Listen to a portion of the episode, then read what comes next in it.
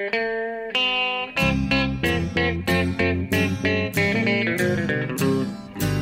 out there, we're on the air. It's hockey night tonight.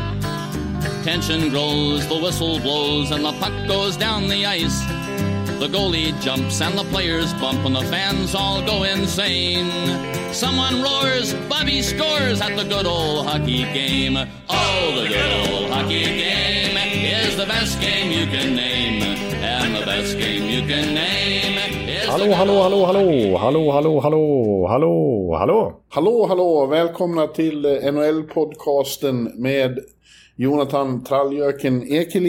Vi hörde där i, i Stockholm och eh, mig Per Bjurman i New York. Och eh, Trallgök är ett uttryck från bloggen. Där eh, de stammisar i kommentatorspåret där som tar, går och lägger sig och sover under viktiga matcher. De kallas eh, generellt för trallgökar. Ja. Och eh, det här har ju blivit ett tema i, i, Jonathan Ekelivs slutspel i år också. Du sover. Till och med när Tampa spelar stora matcher. Ja, det är bara att erkänna att eh, jag har trivts bättre med att bli kallad för Teddybjörn den här senaste avsnittet. Men nu får, jag, nu får du kalla mig för en trallgök här, för nu är, jag, nu är det riktigt dåligt här. Men nej, jag missade en av Florida-matcherna för Tampa där. Det var första gången sedan 2011 jag missade en Tampa-match. Eh, och nu missar jag faktiskt eh, slutet av Carolina-matchen också. Jag har fått andra arbetstider och, och ja, jag tror visserligen att majoriteten av ni som lyssnar här eh, går upp tidigt på morgnarna på arbetsdagar och jag har råkat ut för det nu också och har helt enkelt inte klarat av att ställa om eh, och kunna vara uppe länge på nätterna som jag brukar vara. Nej. Nej, du får göra som några experter. De, de går och lägger sig väldigt tidigt och så går de upp när matcherna börjar. Ja, men problemet är att nu när jag jobbar så här så slutar jag 22 på kvällen så jag har svårt att hinna, hinna sova någonting innan matchen börjar vet. Ja, Jag kör 8 till 22. du I får söva ner dig. Ja, faktiskt. Ja, ja. Ja, men så kan det bli. Så är ju verkligheten för många. Att det, det går bara inte. Nej, precis. Men jag har ändå, eh, jag menar... Det, Du har ändå koll på vad som har hänt. Ja, precis. Och det här tycker jag är lite intressant också. Att få inleda dagen med att läsa ikapp Bjurres blogg och få uppleva liksom ett NHL, en NHL-natt på det viset. Det, har- det är jag inte van vid och det har varit eh, en fröjd. Ja, vad, vad härligt. Jag, jag, jag, jag är glad eh, att jag kan vara at service. Ja, precis. Vad bra. Men eh, ja. Ja, och eh, det rullar på dagligen som vanligt. Eh, första rundan eh, och andra rundan har ju krockat och gått i varann. Eftersom eh, NHL har i vanlig ordning bråttom eh, att få det här överstökat känns som. Ja. Eh, och det är ju ännu, för dem är det ännu viktigare i år därför att det kommer hålla på hela sommaren, långt in i juli. Och det viktigaste för dem är att inte krocka med OS när det börjar, som är NBCs eh, kronjuvel. Just det, så då måste liksom eh, tablån vara rensad från hockey. Det ska, det Ja. ska vara bara OS då. Mm. Ja, alla kanaler de har ska ju vara, de visar ju som, det är väl som de som har rättigheterna i Sverige, att det ska ju vara liksom eh, modern femkamp på ena kanalen och, och badminton på den andra. Ja, exakt. Precis. Det är skateboard, det är bågskytte och allt möjligt va? Men det är tjusningen med OS, när man plötsligt finner sig, det är mitt i natten någonstans på andra sidan jordklotet, plötsligt sitter man och är djupt engagerad i en fäktningsmatch. Ja, som men man så är inte det. förstår någonting av egentligen. Nej, jag kommer ihåg i OS, ja det brukar väl vara så i OS visserligen, men när man sommar-OS när man helt plötsligt är otroligt intresserad av sån här lerduveskytte och tycker det är det mest spännande som finns. Och sen ser man inte på fyra år igen och sen så är det plötsligt det, det hetaste som finns igen. Ja, då sitter man där och hejar på någon skytt från Uruguay. Ja, Ja, ja men så, så går det till. Men eh, det, vi ska eh, avverka det här Stanley Cup-slutspelet först. Och jag, jag, I nuläget ser jag inte fram emot OS för att jag, vill, jag ser fram emot det som pågår just nu. Jag, jag lever i nuet. absolut. Ja, men visst är det så. Och eh, ja, vi, vi tar ju serie för serie som, som eh, nu är faktum då i den andra omgången och kommer därigenom in på det de har varit med om. Men vi måste ju börja vid eh, den nya katastrofen i Toronto. Ja. För eh, det hände ju igen. Helt otroligt så hände det igen. Det Ja. skulle verkligen inte hända i år, men det gör det igen. De går upp i 3-1-ledning, ska defilera till andra omgången, men tappar det och förlorar Game 7 på hemmaplan mot ett Montreal som de egentligen borde blåsa av banan. Ja, det är ju det är extremt chockerande och på ett sätt inte, men... Ja, nej, som du säger, de, tar 18 mer poäng i grundserien. Det här kändes som deras år. Ja. Toronto. Det, det, är nu de hade finslipat trupper. Alltså, av, alla, av alla stora misslyckanden så vi kan rabbla upp år efter år den senaste tiden och långt tillbaka i tiden. Men, men så känns det här nästan tyngst tycker jag för att de har nästan aldrig varit så här solklara favoriter. Exakt. Nej, det är, det är många som säger att det här under alla de här åren sedan 1967 när de har gjort det till en konstart att krossa sina fans hjärtan. Ja. På olika sätt, på spektakulära sätt. Så är det här nummer ett. Ja, och mot Montreal dessutom. Ärkerival. Ja, ja, och Game 7, det var första Game 7 mot Montreal sedan 1964. ja.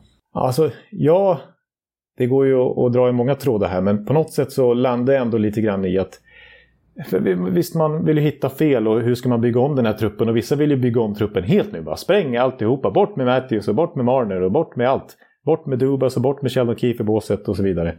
Bort med Shanahan. Ja, exakt. Inte minst Shanahan då, för det är ju hans... The Shanahan Plan. The Shanahan Plan har ju ändå varit... Den sjösattes ju för, vad är det, sju, åtta år sedan nu. Så att, eh, det, han, han, har fått tid på sig så att säga och bygg, forma liksom det här laget som skulle pika nu.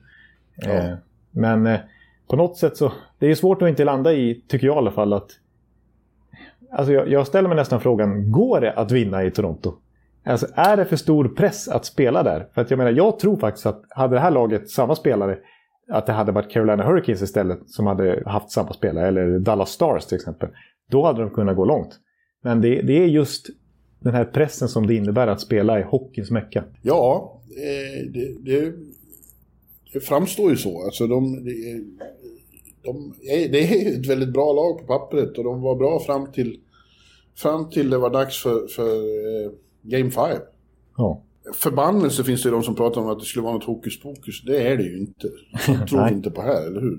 Nej, jag tror inte det är några, några sådana liksom, övernaturliga krafter vi pratar om här. Utan... Nej, utan det är något där i, i, som du säger, med pressen. Men den pressen finns ju i princip är lika stor i Montreal. Eh, ja, i många Vancouver. reagerar nu på att jag sa hockeyns mecka om Toronto, för det vill ju många claima i, i Quebec där istället. Skillnaden, och den är ju marginell, att det är mer media i Toronto, men, men eh, det är ju lika galen media i Montreal i princip. Ja. Eh, men det, det, är ju mentalt, alltså det är klart det är det den här matchen igår, Game 7, man såg ju på en sån som Austin Matthews att han var nervös. Ja, precis. Och visst. Det, det... Ja, för det har blivit en snöbollseffekt. Alltså det blir ju värre, värre och värre press år för år. Och även om man byter spelare som inte varit med liksom, under alla dessa misslyckanden så, så ofrånkomligt så letar det sig in i deras hjärna också. Liksom. Ja, det är ju oförmågan att, att, att döda serien när man får chans. Det ska ju göras på en gång. Liksom. Ja. Eh, men eh, det klarar de inte av. Killer instinct, man, får ju lite känslan då när de leder med 3-1 att, eh, att det smyger sig in liksom, någon eh, säkerhet att nu är det här klart, nu behöver vi inte jobba så hårt. Nej. Det har ju också varit ett genomgående tema i de här elimination-matcherna att det är ingen... Eh, sista tio minuterna igår, då var det plötsligt desperation. Ja. Men annars såg det ut som de spelade en match i november. ja, precis. Alltså, och som du var inne på i bloggen också, man hade enorma förväntningar på den här Game 7, att det bara skulle spraka om det. Men det var verkligen så att i 50 minuter i alla fall så var det en högst ordinär match som inte ja. var något speciellt alls. Och man var oerhört förvånad över bristen på liksom, geist från framförallt Toronto. Då. Ja, alltså det, jag tycker det är mindblowing. Mm. Eh, om man ser de andra matcherna, det är game, eh, första matchen mellan eh, Tampa och Carolina, det, det går ju nästan jag skrev det också. Om man hade satt på den matchen samtidigt hade man trott att man hade tryckt på fast forward-knappen. Det gick för fort. ja, ja, faktiskt. Jag, jag, jag fattar bara inte hur det kan eh, hända igen. Nej, de blir paralyserade på något sätt. Av, ja, av ja det, det, är ju chockerande. Om någon hade sagt det liksom, när det stod 3-1, nej, Montreal kommer vinna den här serien, eller hur? Nej, men alltså vi får ju sätta på oss, uh, vad säger man? Skamhatten säger man Dumstrut. Dumstrut heter det. Skamhatt. Du ser, jag kan, jag kan... Skam, skamhatten, har ja. du en sån? Nej, jag, jag, lyfte på mycket hattar, kommer du ihåg det i förra avsnittet? Men eh, någon ja, skamhatt vet jag inte om jag äger. Ja, men dumstruten ska jag lyfta upp, eh, upp och ner på idag i alla fall. Att, men eh, det får nästan du göra också va? För att vi var ju helt säkra på att ja, ja, det, du, det är ingen, Jag har inte något mer rätt än vad du har haft i det här, absolut inte. Nej. Jag sa 4-1 i Toronto, du sa 4-0, eller hur? Nej, jag sa 4-2 faktiskt. Så jag gav Montreal en liten chans i alla fall. Men att det skulle bli så här, det såg jag inte framför mig. Det är ju, men det, ja, nej. Grejen är ju att eh, Toronto borde ha vunnit, det bara är så. De är mycket bättre på nästan alla punkter, utom en väldigt avgörande, och det var ju på målvaktssidan då. Det, Carey eh, var helt otrolig. När, väl, när de väl skapade saker mot honom i tredje perioden så var han ju briljant. Ja. Medan Jack Campbell var en typisk Toronto-målvakt i avgörande ögonblick. Ja, precis. De har testat många olika och eh, nu har det varit Jack Campbell i den här serien. Jag tycker han gjorde generellt sett ganska bra ifrån sig och hans siffror landade ändå på väldigt bra nivå. Räddningsprocent Ja, vad, nästan vad hjälper det när man släpper in puckar som den som Ja, exakt. första Men- igår? Precis, i, ja det, det får inte hända liksom i en Game 7 att den går rakt igenom en. Eh, ganska långt håll dessutom som Brennan Gallagher skjuter ifrån. Ja. Jag vet inte vad man ska säga, det, det är ju... De har största fanskaran, och mest plågade fanskaran. Det, det finns nästan ingen klubb någonstans som plågar sina fans lika mycket som Toronto gör. Nej, det, det måste vara hemskt. Eh, men, och liksom som du säger, störst, eh, störst ekonomi, alltså det, det hjälper tydligen inte då. Och det visste vi ju sedan innan att så funkar det i sport, men de har ju störst, eller de har, de har flest anställda, de har, så går man in på deras management-sida på Torontos hemsida, då hittar man ni- 91 namn. De har liksom en, de har en anställd för Director of Sports Science till och med. de har flest scouter, de har störst analytics-avdelning, de har flest tränare, development coacher och så vidare överhuvudtaget. Men det, det, de, de lyckas inte ens vinna en första runda på snart 20 år. Ja, nej. Återigen så var det ju också, det var ju inget bra på backsidan. Eh, Det var ju hårt för dem såklart att tappa Jake Mussin då. Eh, Men det var mycket misstag som backarna begick i fel lägen på blålinjen och tappa puckar och stod i. Ja. Ja, nej, jag vet inte. Alltså, nu, nu skulle man vilja dissekera det här och jag tycker ändå det är lite intressant att konstatera att eh, ja, men det är mycket snack nu. Liksom. Lägger man för mycket... Alltså Marner, Matthews, Nylander, Tavares, det är ju en otrolig topp fyra. Men de kostar ju alltså hälften av lönetaket. Ja. Det, det ska ju på, du nämnde Tavares det, det ska ju påpekas också att, det, eh, att han försvann eh, var väldigt svårt slag. Precis, det är ändå deras eh, ena delen i deras one-two punch. Det är klart att centerdjupet försämrades kraftigt då när en sån som Kerfoot helt plötsligt ska spela i andra kedjan. Gjorde det helt okej poängmässigt men, men det är ju inte alls samma slagkraft som Tavares. Eh, men, eh, ja, men för, ja, du nämnde Care Price, hur bra han var för Montreal. Men det här läste jag och hajade till lite över. Montreal nu med Care Price som tjänar 10 miljoner dollar per säsong. Det är första gången i lönetagseran som ett lag med en spelare som har en tvåsiffrig cap hit går vidare i en slutspelsrunda. Första gången det händer Det faktiskt. är otroligt. Ja, och Toronto, de har tre spelare över tvåsiffrigt. Det är ju Marner och Matthews och Tavares som alla ligger över 11 miljoner. Eller Marner är nästan 11 miljoner. Eh, så att, säg, är det någonting, vi pratar ju ofta om att, att spetsen naturligtvis måste leverera i slutspelet, det hänger mycket på det, men också bredden, secondary scoring, att ha djupet. Och försvinner djupet för mycket när man har tre spelare som tjänar så mycket? Det är frågan. Ja, det är möjligt, men det har ju sett bra ut på pappret även på den punkten nu. Det är det man har Ja, liksom med, med Simmons och Thornton och, och Spetsa och, och kompani. Eh, Thornton som skulle komma in som frälsaren och vara viktig i sådana här lägen. Men eh, eh, han har ju varit med om det här förr, han också. Tappa serier från 3-0-ledning. och just det, han har till och med varit med om det. Ja. Nej, precis. Och därför har man svårt att klaga på det. Och jag tycker överlag så här när man ska, liksom, vad ska Toronto göra nu? För att de gör en kanonsäsong i grundserien. De vinner ju North-divisionen som visserligen kanske var ganska svag. I rätt överlägsen stil. De gör... Ja, de, de vinner ju tre matcher, alltså fram till Game 4 så ser det väldigt bra ut i det här slutspelet. Sen kommer tre matcher och förstör allt. Ska de liksom bygga om totalt på grund av tre matcher? Eller ska de fortsätta försöka tro på det här? Ändå. För att, som sagt, det såg ju jättebra ut fram till säsongens tre sista matcher. Ja. Alltså- ja, jag vet inte Jonathan. Nej, till exempel Tampa, de, de överreagerar ju inte efter att ha torskat fyra raka mot Columbus som var sist in i slutspelet efter att ha varit helt överlägsna i grundserien. Året därpå så vinner Tampa. De tar visserligen in lite grit i form av Barkley Goodrow och, och liksom Cole- Coleman som jag pratat om hundra gånger. Men det var den enda förändringen för att helt plötsligt gå hela vägen. Så frågan är om, om det verkligen är så att Toronto ska trada till exempel Mitch Marner som jag sett att det pratats om nu. Att han, lönetagsstrukturen där är ganska liksom, han, han, han har ju samma capita naturligtvis, men han tjänar mycket mindre i faktiska pengar från och med kommande säsong. Och kanske är mer lätt-tradad på det viset för klubbar som inte har lika stark ekonomi som Toronto. Eh, men liksom, hjälper det verkligen? Eller hur? Hjälper det att få in sämre spelare i frågan? Nej. Han nej. är ju bra, liksom. men, men det är ju grundserieartister. Liksom. Ja. Ja, precis. Han slutar fyra i grundseriens poängliga, Bell, eh, tror jag, Marner. Men han har noll mål på 18 raka slutspelsmatcher. Ja. Men det är ju, då är man ju, en, inte lätt, men man är möjlig att eh, neutralisera. Och det, det har de ju varit väldigt bra på Montreal med Philippe Danault i spetsen. Ja, verkligen. Philippe Danault, vilken Chatham-spelare han är. Det är Ja. Han förtjänar verkligen att, att nämnas där uppe i Selke-diskussionerna. Förra året var han ju sexa och jag tror han kommer få en del röster i år också baserat bara på grundserien. Då. Ja, jag tror han har fått av eh, Biffen. Biffen har, har lagt en av sina röster på honom. Jag tror det, om jag minns rätt. Ja, men eh, om, Ja, jag, jag vill ha lust att prata lite mer Montreal också. Vi får ju hylla dem. absolut.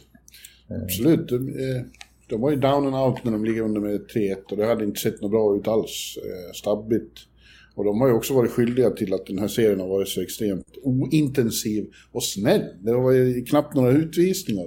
Nej, precis. Det hade man ju inte trott när största ärkerivalerna inom hockeyvärlden i princip eh, drabbas samman. Ja. Men eh, jag tänker så här att eh, visst, det är väl mycket mentalt i den här serien att, att de lyckas vända på det så här och, och från båda lagens håll. Men samtidigt som jag vill hylla Montreals insats här så inför säsongen när vi pratade om Montreal så var det ganska många som hade dem som, som en liten outsider.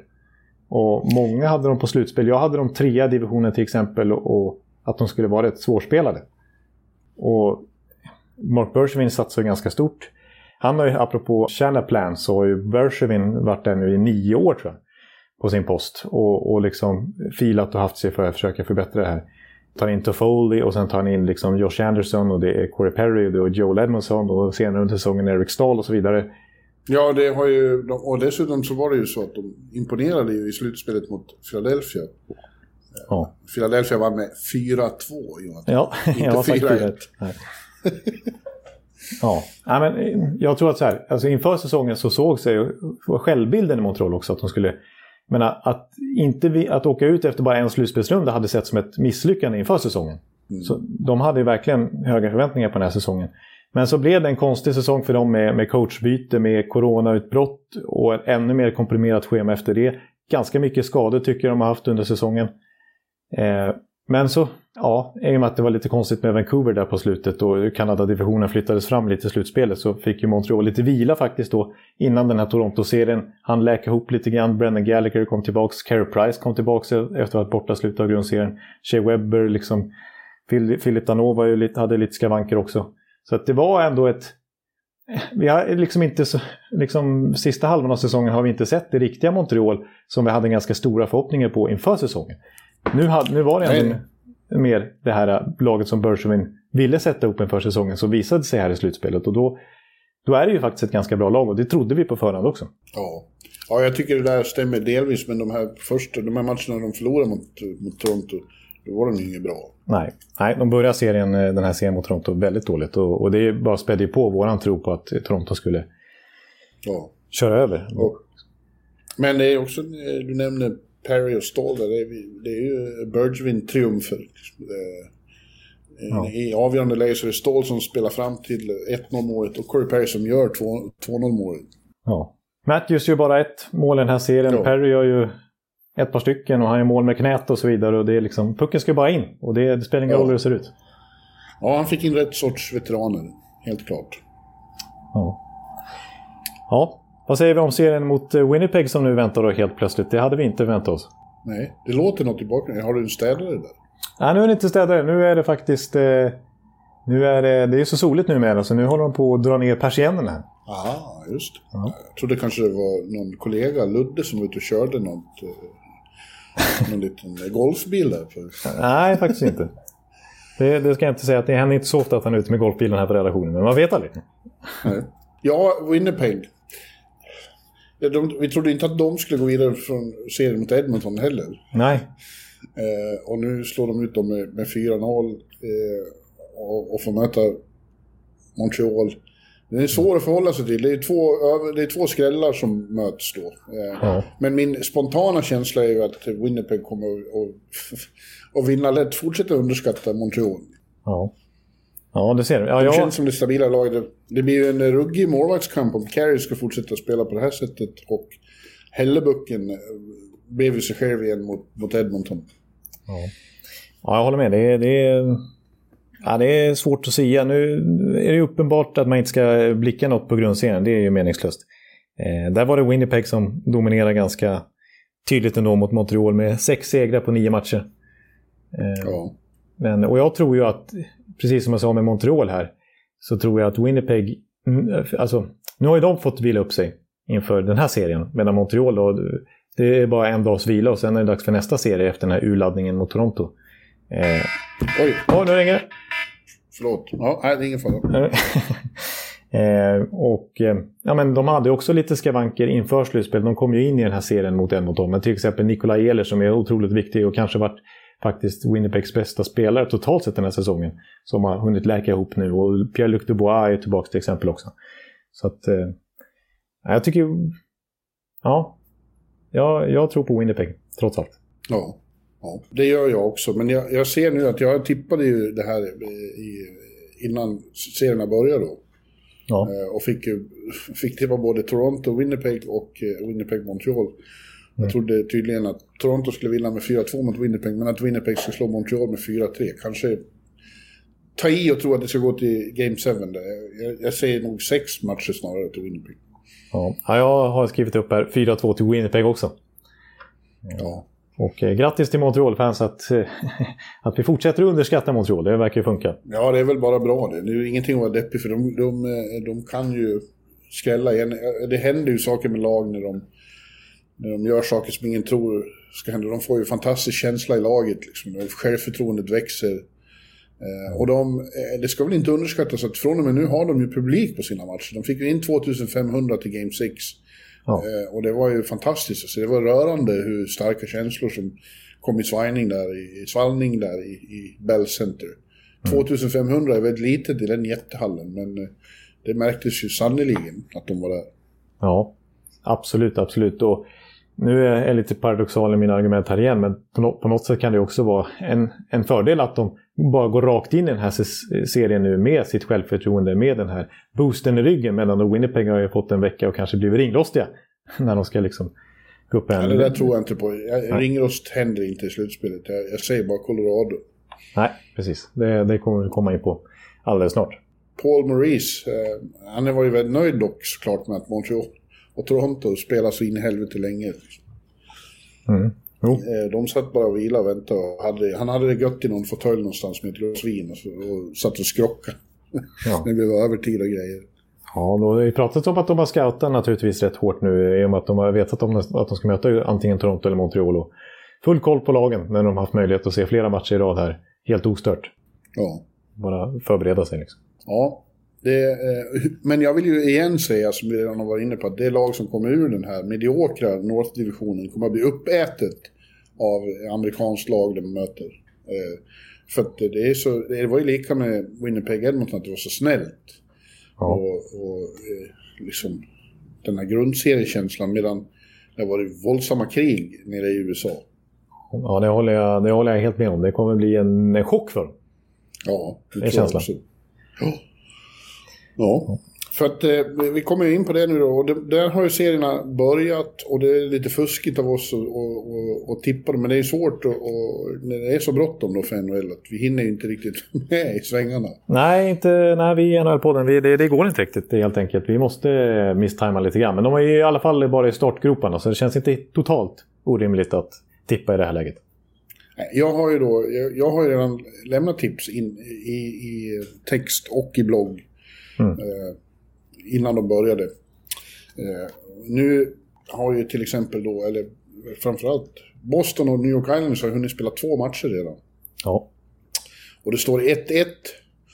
Eh, och det är väl inte så oväntat. Det har väl varit en känsla att de två lagen, eh, det kommer att bli fruktansvärt jämnt och, och hård kamp där. Ja, det, det tror jag definitivt. Sen Ja, när jag kollar på mina underliggande siffror och till exempel läser vad The Athletic skriver som har en liksom, analytics-modell som tar fram hur, hur, hur serierna borde sluta utifrån underliggande siffror. Och faktum är att mellan Boston och Islanders här nu enligt deras modell så är det 80% fördel för Boston. Och det är den mm. största diskrepansen som Barry Trotz har varit med om i The Athletics modell sedan han tog över Islanders. Och då har han ändå mött ganska starka lag under den perioden. Till exempel Tampa, mästarna i fjol. Eh, så Boston är den största favoriten mot Islanders under trots någonsin enligt underliggande siffror. Nu ska det väl dock påpekas att Athletics eh, Analytics-guru är ju han Dom... Lushyshin. Ja. Hur man nu uttalar han, Enligt hans eh, kalkyler så skulle Toronto Maple Leafs vinna Stanley Cup i år. Det var helt givet. Så att ja. vi kanske ska ta dem med en nypa salt. Ja, det är, det är en, en grej att sitta och räkna saker på datorn och en sak vad som faktiskt händer på isen när det mentala spelet verkligen är en faktor också som inte går att mäta. Nej. Men eh, eh, det tror jag inte kommer vara grejen mellan de här två. Eh, ja, i, i viss mån mentalt, men inte så att någon viker ner sig. Det är ju Nej. två eh, ärrade, battle-tested enheter som smäller ihop här. Ja. Eh, Boston avfärdade ju, kan man säga, Washington i första rundan. Det gick rätt fort. Ja. Eh, det är något som, det är något som saknas i Washingtons mentalitet tycker jag nu. Att det, sen de vann så har inte hungern och, och elden varit som den ska där. Nej. Nej resilience att liksom bita tillbaka när det inte går, Nej, går med dem. Nej. Nej, det, det, det, var ju, det stillade hungern hos dem, Stanley Cup-titeln. Det är verkligen ja. så. Ja. Och Islanders lyckades ju då till slut slå eh, Pittsburgh. Ja. Eh, det var ju oväntat eh, ändå. Det, så, kändes som Pittsburgh hade något eh, bra på gång här.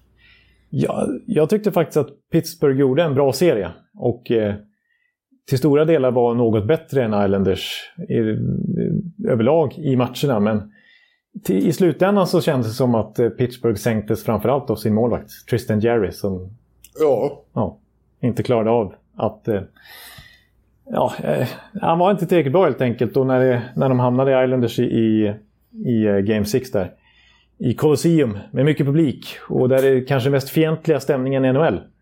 Där det, där det bara stod, det bara skreks på honom konstant matchen igenom. Då, då började han kasta in pucken. Ja.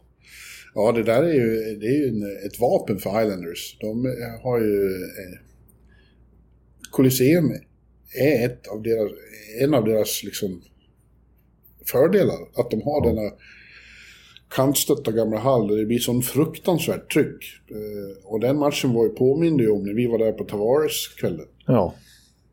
ja. Det var ungefär samma liksom behandling som inte minst Jerry, men sådana som Crosby naturligtvis och Malkin och sådär fick.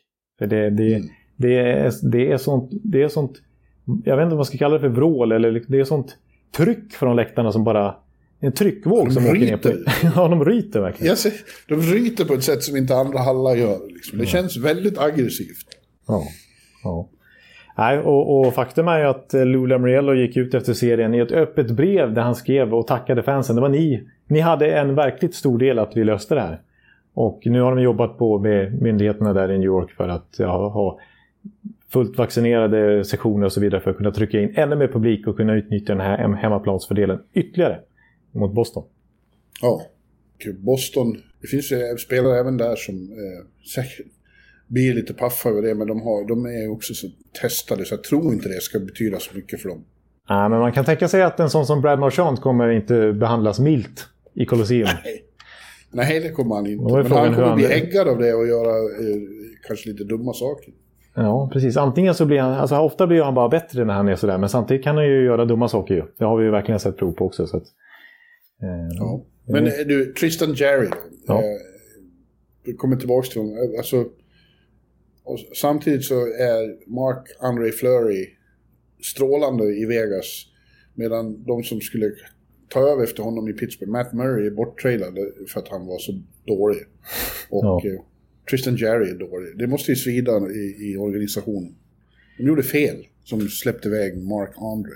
Ja, det får man ju säga så här i efterhand att, att de hade övertro på både Murray och Jerry. Eh, nu är Jerry fortfarande ung och kan ta kliv. Det är visserligen Murray också, men, men de har ju verkligen inte imponerat sen den traden, sen det valet gjordes. Eh, så att frågan är hur de ska agera här framöver. Om, om de eh, ja, helt enkelt måste ta in en målvakt utifrån nu. Eller om de ska fortsätta hoppas att det lossnar för befintliga keeprar. Liksom. Annars är det ju det stora snacket som var nu i exit-intervjuerna när Pittsburghs säsong är slut. Det är ju naturligtvis, ja, hur är det med fönstret för Crosby, Malkin och Letang? Är det, jag menar, det var ju snack redan om det i vintras där när, och när Rutherford fick sparken. Liksom. Gnisslades lite om om det fanns en konflikt mellan Rutherfords syn på kärnan och ägarnas. Där Rutherford kanske öppnade ja. lite grann för att kanske trada någon av dem. Men, eh, jag tror att han var väldigt inne på att trada Letang, men han har ju varit väldigt bra i år. Och även ja. var bra i slutspelet. Ja, precis. Och grejen är att Crosby har ju kontrakt ett tag till, men Malkin och Letang har ju faktiskt bara ett år kvar eh, på nuvarande kontrakt. Så att det kan ju bli en... Eh, när de kliver in i nästa säsong, då är de UFAs efter det. Så att eh, mm. det är ju sista året så att säga att trada dem om man vill göra det och få någonting i utbyte. Ja. Den här säsongen var ju bättre än väntat, men jag står ju fast vid att eh, förr eller senare så måste Pittsburgh göra en Chicago eller en LA. Eller kommer mm. att bli tvingade i den riktningen, vare sig de vill eller inte. Ja, och ibland kanske det är bättre att göra det liksom, ju förr snarare än senare. Så att, för då ja. riskerar att man hamnar i den här LA-grejen då och hamnar i en väldigt djup rebuild. Liksom. Ja. Ja, visst. Ja, det gör, det gör Chicago också. De har väl inte velat att det skulle bli så här. Nej. Efter, efter de åkte ut mot eh, Nashville det där året, 2017 var det väl, mm. så har ju de varit på dekis. Ja, och det är ju svårt att, ja, det är svårt att repa sig efter det liksom, när, när fönstret har stängt. Det är framförallt svårt när, man, när det inte är ens plan, utan det blir så eh, utan att man har planerat det. Nej, precis. Ja. Man tror att man kan hänga kvar i, i liksom gamla tider. Detroit är väl ett bra exempel. Ja, som verkligen tvingade sig liksom kvar i fönstret och vägrade släppa taget. Ja. Men eh, ja, ja det, det, när jag läser liksom Pittsburgh Media så, där, så, så verkar det som att eh, ja, det, det ryktas i alla fall om att Hextall eh, inte är inne på att eh, trada Malkin eller Tang utan att eh, man helst vill ha nya kontrakt istället skrivna med dem inför nästa säsong så inte den här debatten och distraktionen ska pågå under kommande säsong utan att man ska ha det klart helt enkelt. Och, att, och det är de väldigt tydliga med själva. Det kan ju inte de egentligen påverka så mycket men, men eh, Malkin, Letang och Crosby vill vara Penguins karriären ut. Det säger de i alla fall i media. Ja, ja men du, eh, vad gäller serien då, Boston eh, Islanders, så mm. är de ju... Det känns som likartade, de har likartad image i alla fall. Eh, de, de är väldigt mycket lagmaskiner. Men mm. Att jag känner, känner lite så att Boston borde ha en fördel är att deras toppspelare eh, var väldigt eh, mer svårare att stoppa i första rundan än vad Islanders, Barzal och kompani var.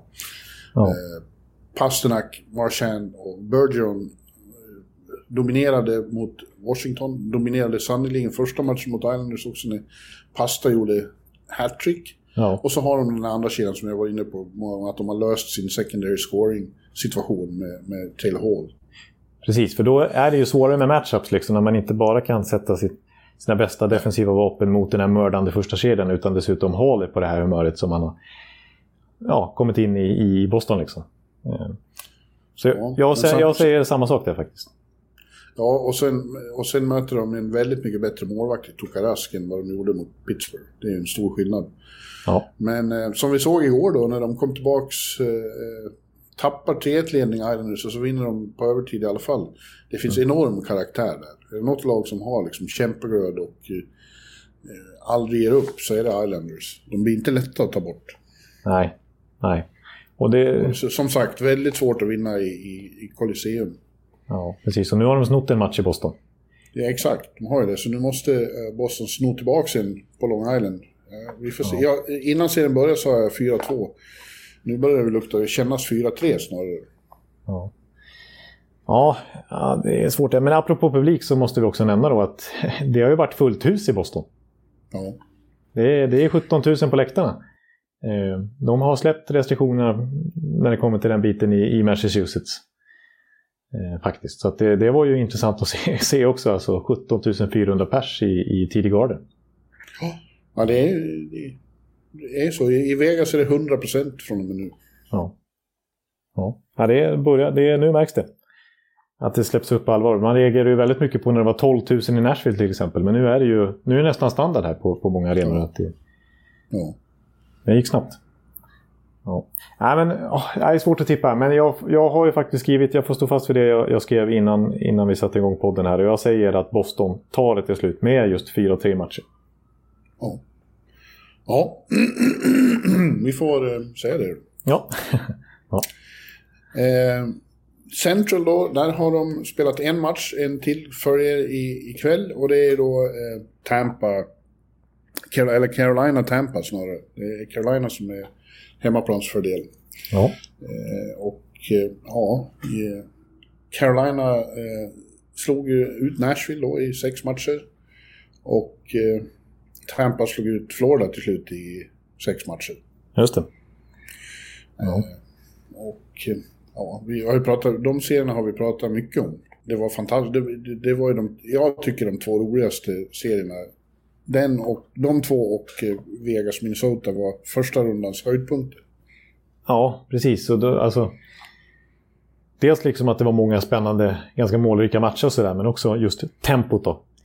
Ja. Att det var sån... Eh, ja, jo, kanske inte minst i, i Florida Tampa vill jag säga att, att vapnet var ju att eh, score your way through trouble i princip. Alltså, eh, ska du vinna matchen måste du, göra, måste du ösa in kassar, annars kommer du förlora. Ungefär. Ja. Men det var ju enorm glöd och enorm intensitet och fruktansvärt högt tempo och aggressivitet och fysiskt. ja, det var underbart att se.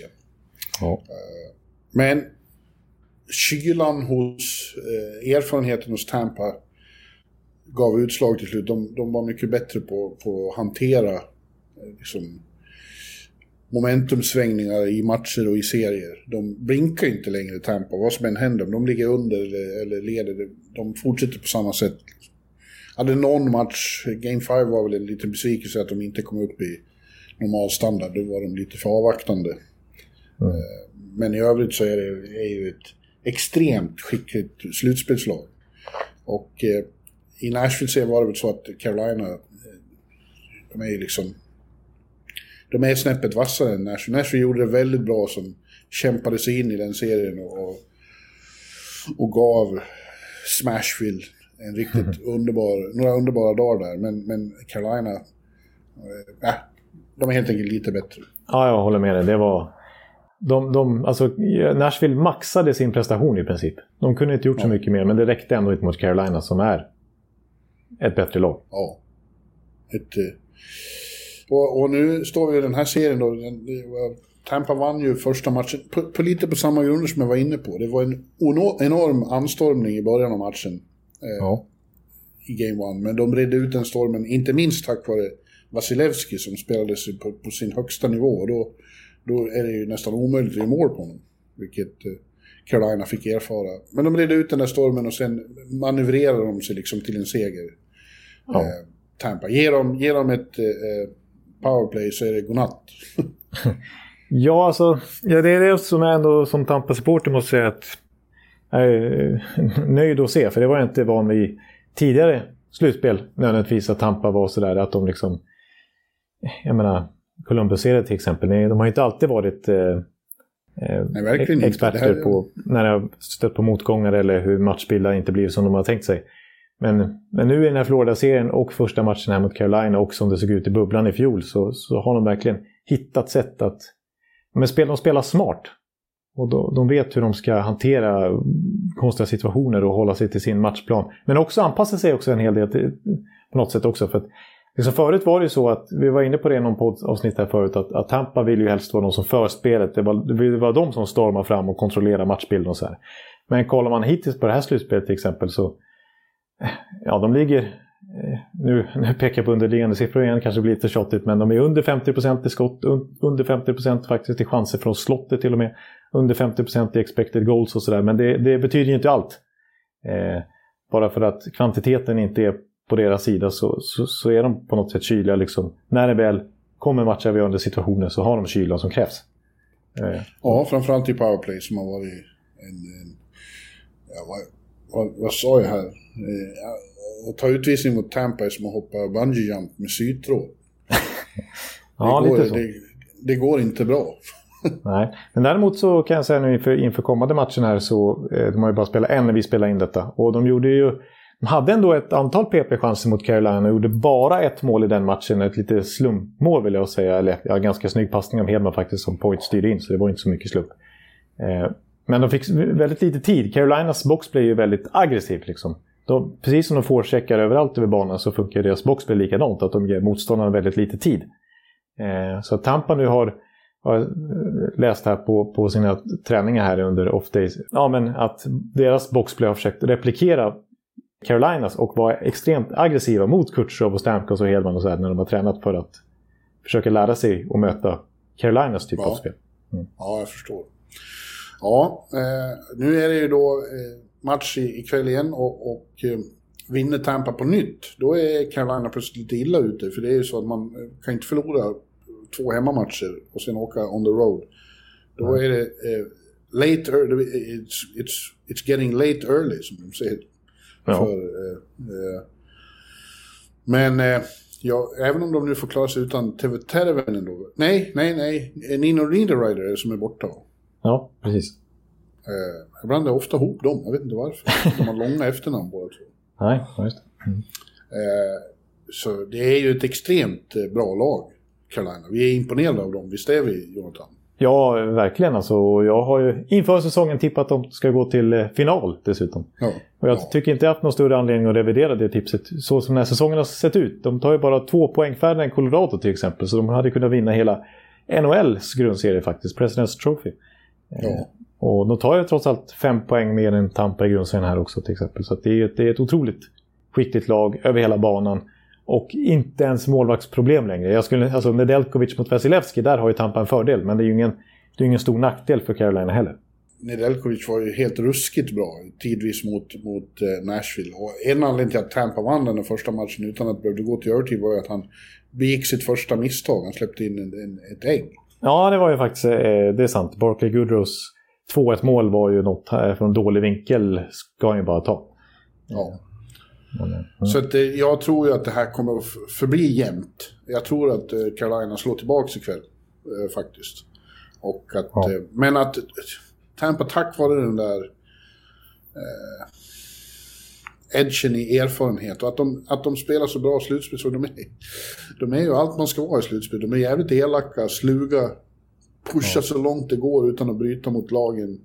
Det är inget, eh, de- har attityd nu för tiden. ja, det har de. De är lite småfula, det får jag erkänna. Ja.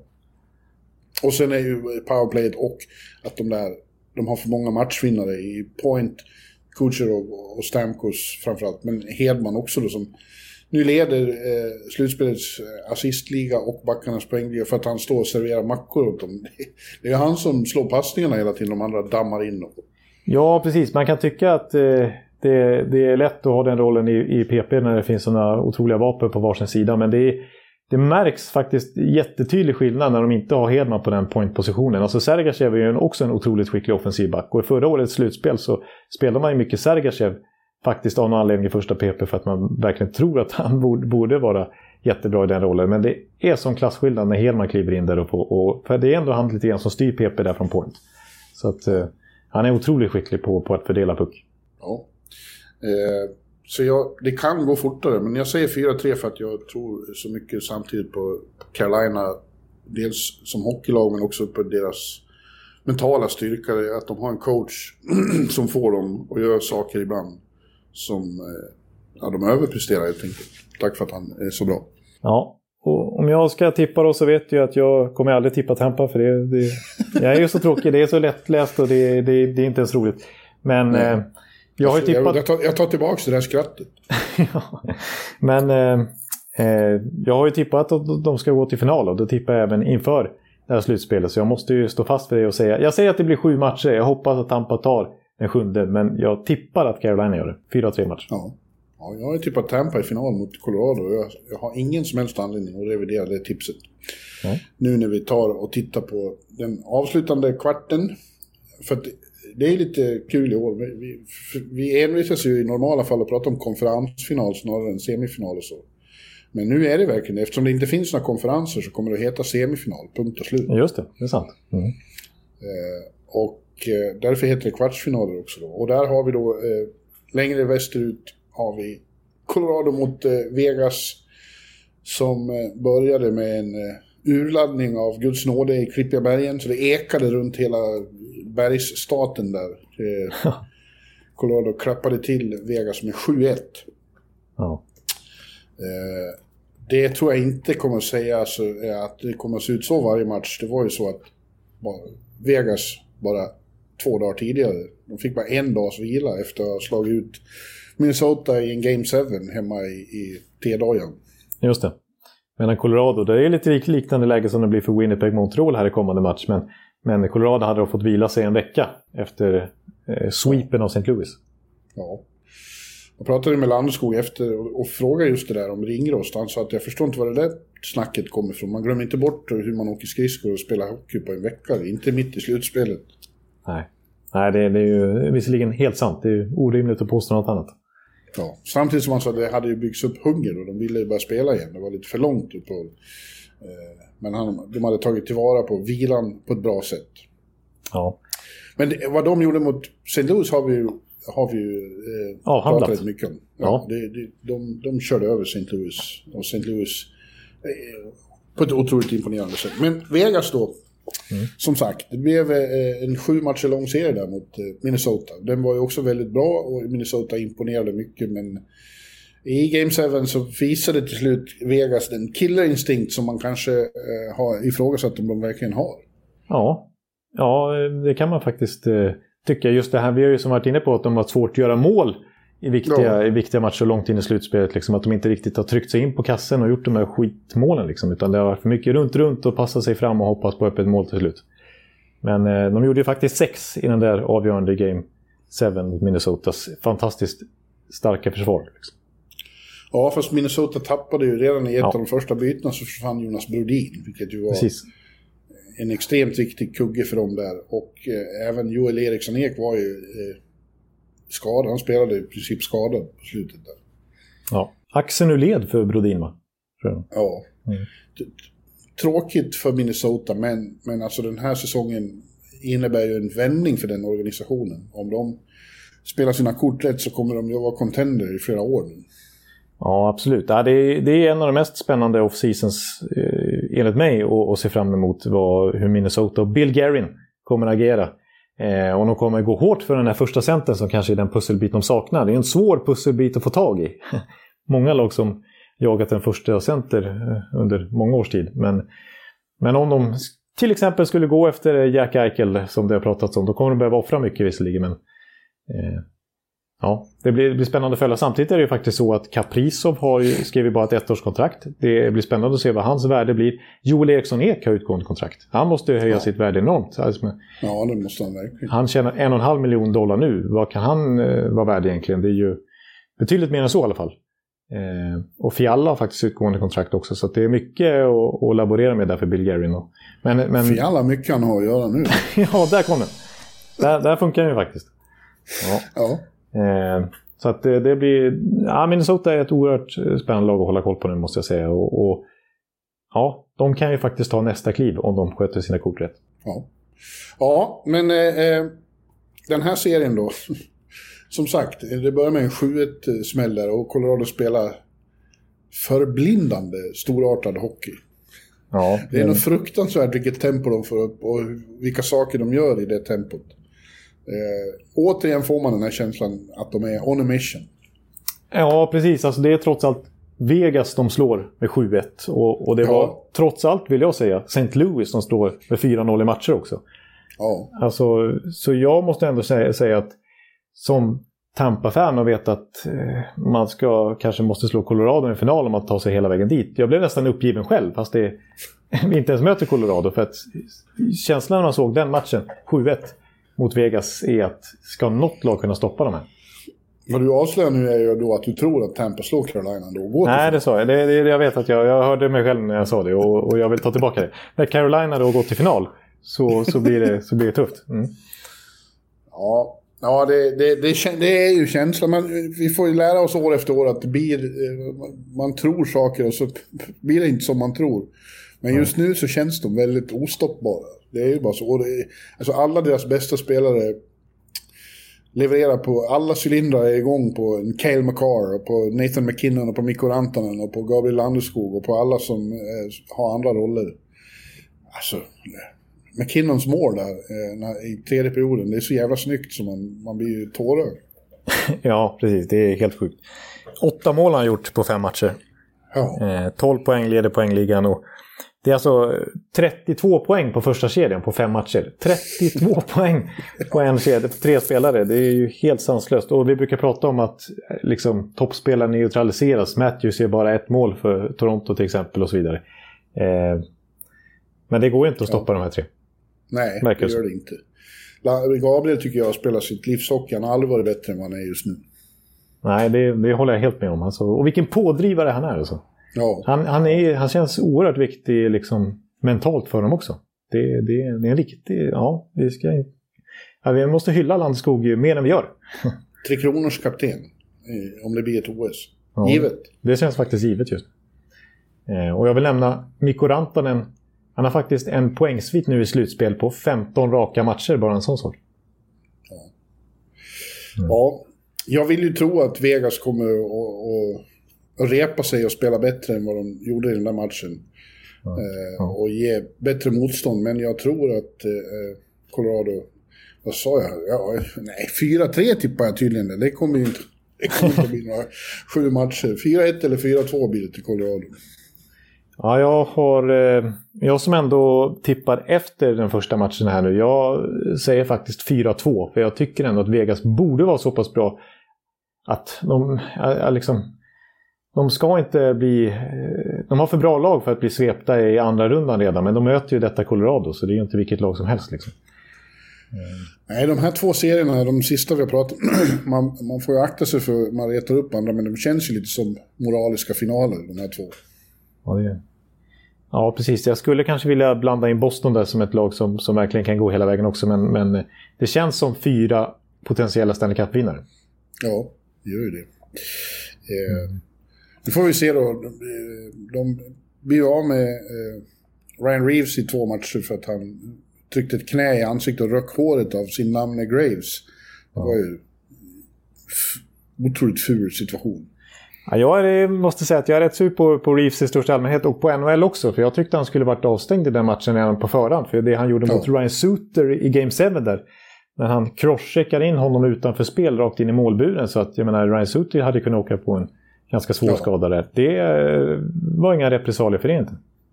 Nej, Nej det är ju... Eh, det är något konstigt med det här George Paros player safety. Det fungerar inte. Nej, det funkar inte. För det har ju varit så mycket snack om att man ska skydda spelarna och framförallt när det kommer till huvudskador. Och NHL har blivit, NHL har blivit stämda på miljard, höll jag på att säga, miljonbelopp för det här. Och det har varit en debatt i så många år. Men skyddar man spelarna, om man får göra sådär på Ryan Suter utan några som helst reprimander så då, då bryr sig inte ligan om det. Eh. Och jag menar, jag tycker även, alltså nu när vi pratar NHL här nu, inte Ryan Reeves specifikt, men Tom Wilson-situationen när, när eh, man får slänga ner en Artemi Panarin utan hjälm på isen sådär, då skiter man ju i huvudskador också. Så att det där är ju bara bullshit. Ja. ja. Ja. Nu får de vila eh, i, i, De fick ju en extra dag här.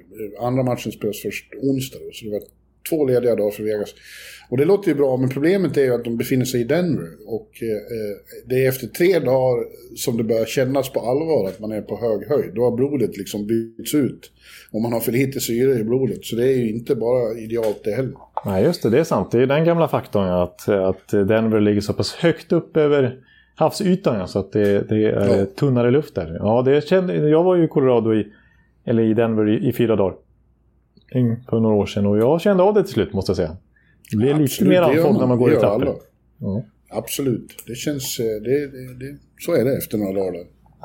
Ja, ja men eh, eh, Colorado kommer att vinna. Kommer de att göra. Ja, och jag, jag ska lyfta fram en spelare till som vi inte har nämnt och jag tror att jag brukar tjata honom ofta när vi pratar Colorado, att man inte får glömma bort det. Faktum är ju här att Filip Grobauer, målvakten, faktiskt blev nominerad här idag när vi spelar in till Vesina Trophy.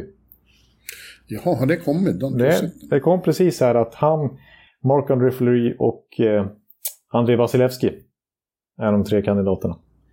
Faktiskt. Ja. Coolt. Och faktum är att Grobauer, alltså... Man har ju... Vi har ju pratat lite om att hans stämpel har... Han har haft en stämpel på sig som en liten choker efter de här två torskarna mot Columbus för 2018 i Washington-tröjan då. När Holtby fick hoppa in sen och vann, tog över första spaden och gick och vann hela Stanley Cup till slut. Eh, och att man liksom haft en lite negativ bild kanske av Grobauer i slutspel sedan dess. Men generellt sett har han ett ganska bra slutspelsfacit och kollar vi i grundserien de senaste, gått så långt bak som fem år i tiden, så är det faktiskt bara fyra målvakter som har bättre räddningsprocent än vad han har på fem år. Mm. Och han är bara två procentenheter faktiskt från första platsen på den här listan också. Så det är en otroligt stabil målvakt ändå, Grobauer. Och han är 94 procent på de här fem matcherna i slutspelet hittills. Ja, när vi är ändå inne på enskilda spelare, jag nämnde honom förut, men Cale McCarr måste ju också nämnas ja. specifikt. Alltså, man kommer tillbaka till att han bara är 22 år och, och spelar som en världsback redan. Liksom, vad, vad, vad, vad, kommer hända? Liksom? Han, han kommer vinna 10 Norris Trophy när han är färdig. Ja, det känns faktiskt nästan så. Hade han inte haft lite skadeproblem här i grundserien så hade han vunnit redan. Han kan, vi vet ju inte vem som vinner i år, men, men han hade ju bäst poängsnitt i grundserien av alla backar till exempel. Ja, så. men han spelade lite för lite tror jag. Ja, han gjorde förmodligen det. Men eh, ja, jag tänker så här. Jag tänkte så här, har jag sett en mer underhållande back någonsin i min livstid? Och då kom jag på Erik Karlsson när han var som bäst. Eh, ja. Är väl kanske där, men det är på den nivån i alla fall. Alltså, man får backa långt bak i tiden. Vi, kanske Erik Karlsson men för, för att hitta en lika dynamisk, spektakulär back som Kelmekar redan är. Ja. ja, men du säger också att Colorado vinner, eller hur? Ja, eh, jag säger 4-2. Mm. Ja, då har vi det. Men du, apropå backar så var det en så... Vi, vi gick inte igenom det här före, men apropå backar så en nyhet i veckan var ju att Seth Jones i Columbus har meddelat att han eh, inte är intresserad av att skriva nytt kontrakt. Eh, han har ett år kvar på det som, eh, men, men meddelar att det blir inga förhandlingar ens med, med Blue Jackets, vilket då har lett till antagandet att de kommer försöka trada honom vid ja. eh, Free Agency öppnar. Ja, det är ju naturligtvis brutalt slag för Columbus. Och igen. Ja, man tycker det är väldigt... Det är svårt att inte tycka synd om Columbus. De kämpar så hårt för att bli, liksom, få respekt i ligan. Och så alla stjärnor som de har tar sig därifrån så fort de får chansen. Ja, precis. Och då är det ändå många, eller många, men ett antal av dem som har liksom fått sitt verk verkliga breakthrough i just Columbus. Som har, ja, inklusive Seth Jones. Ja, som har dem, dem att tacka lite grann för att de har tagit nästa kliv. Men eh, de, får ingen, de får inget tack för det så att säga. Eh. Nej. Nej, eh, men eh, ja, det är positivt om de försöker trada honom nu. Och det vore väl en idé när de har en historia av att lät eh, Bobrovski och, och Panarin bara gå. Så ja. Eh, är det nog lika bra att, att trada honom då. Och de skulle kunna få väldigt mycket för honom, eller hur?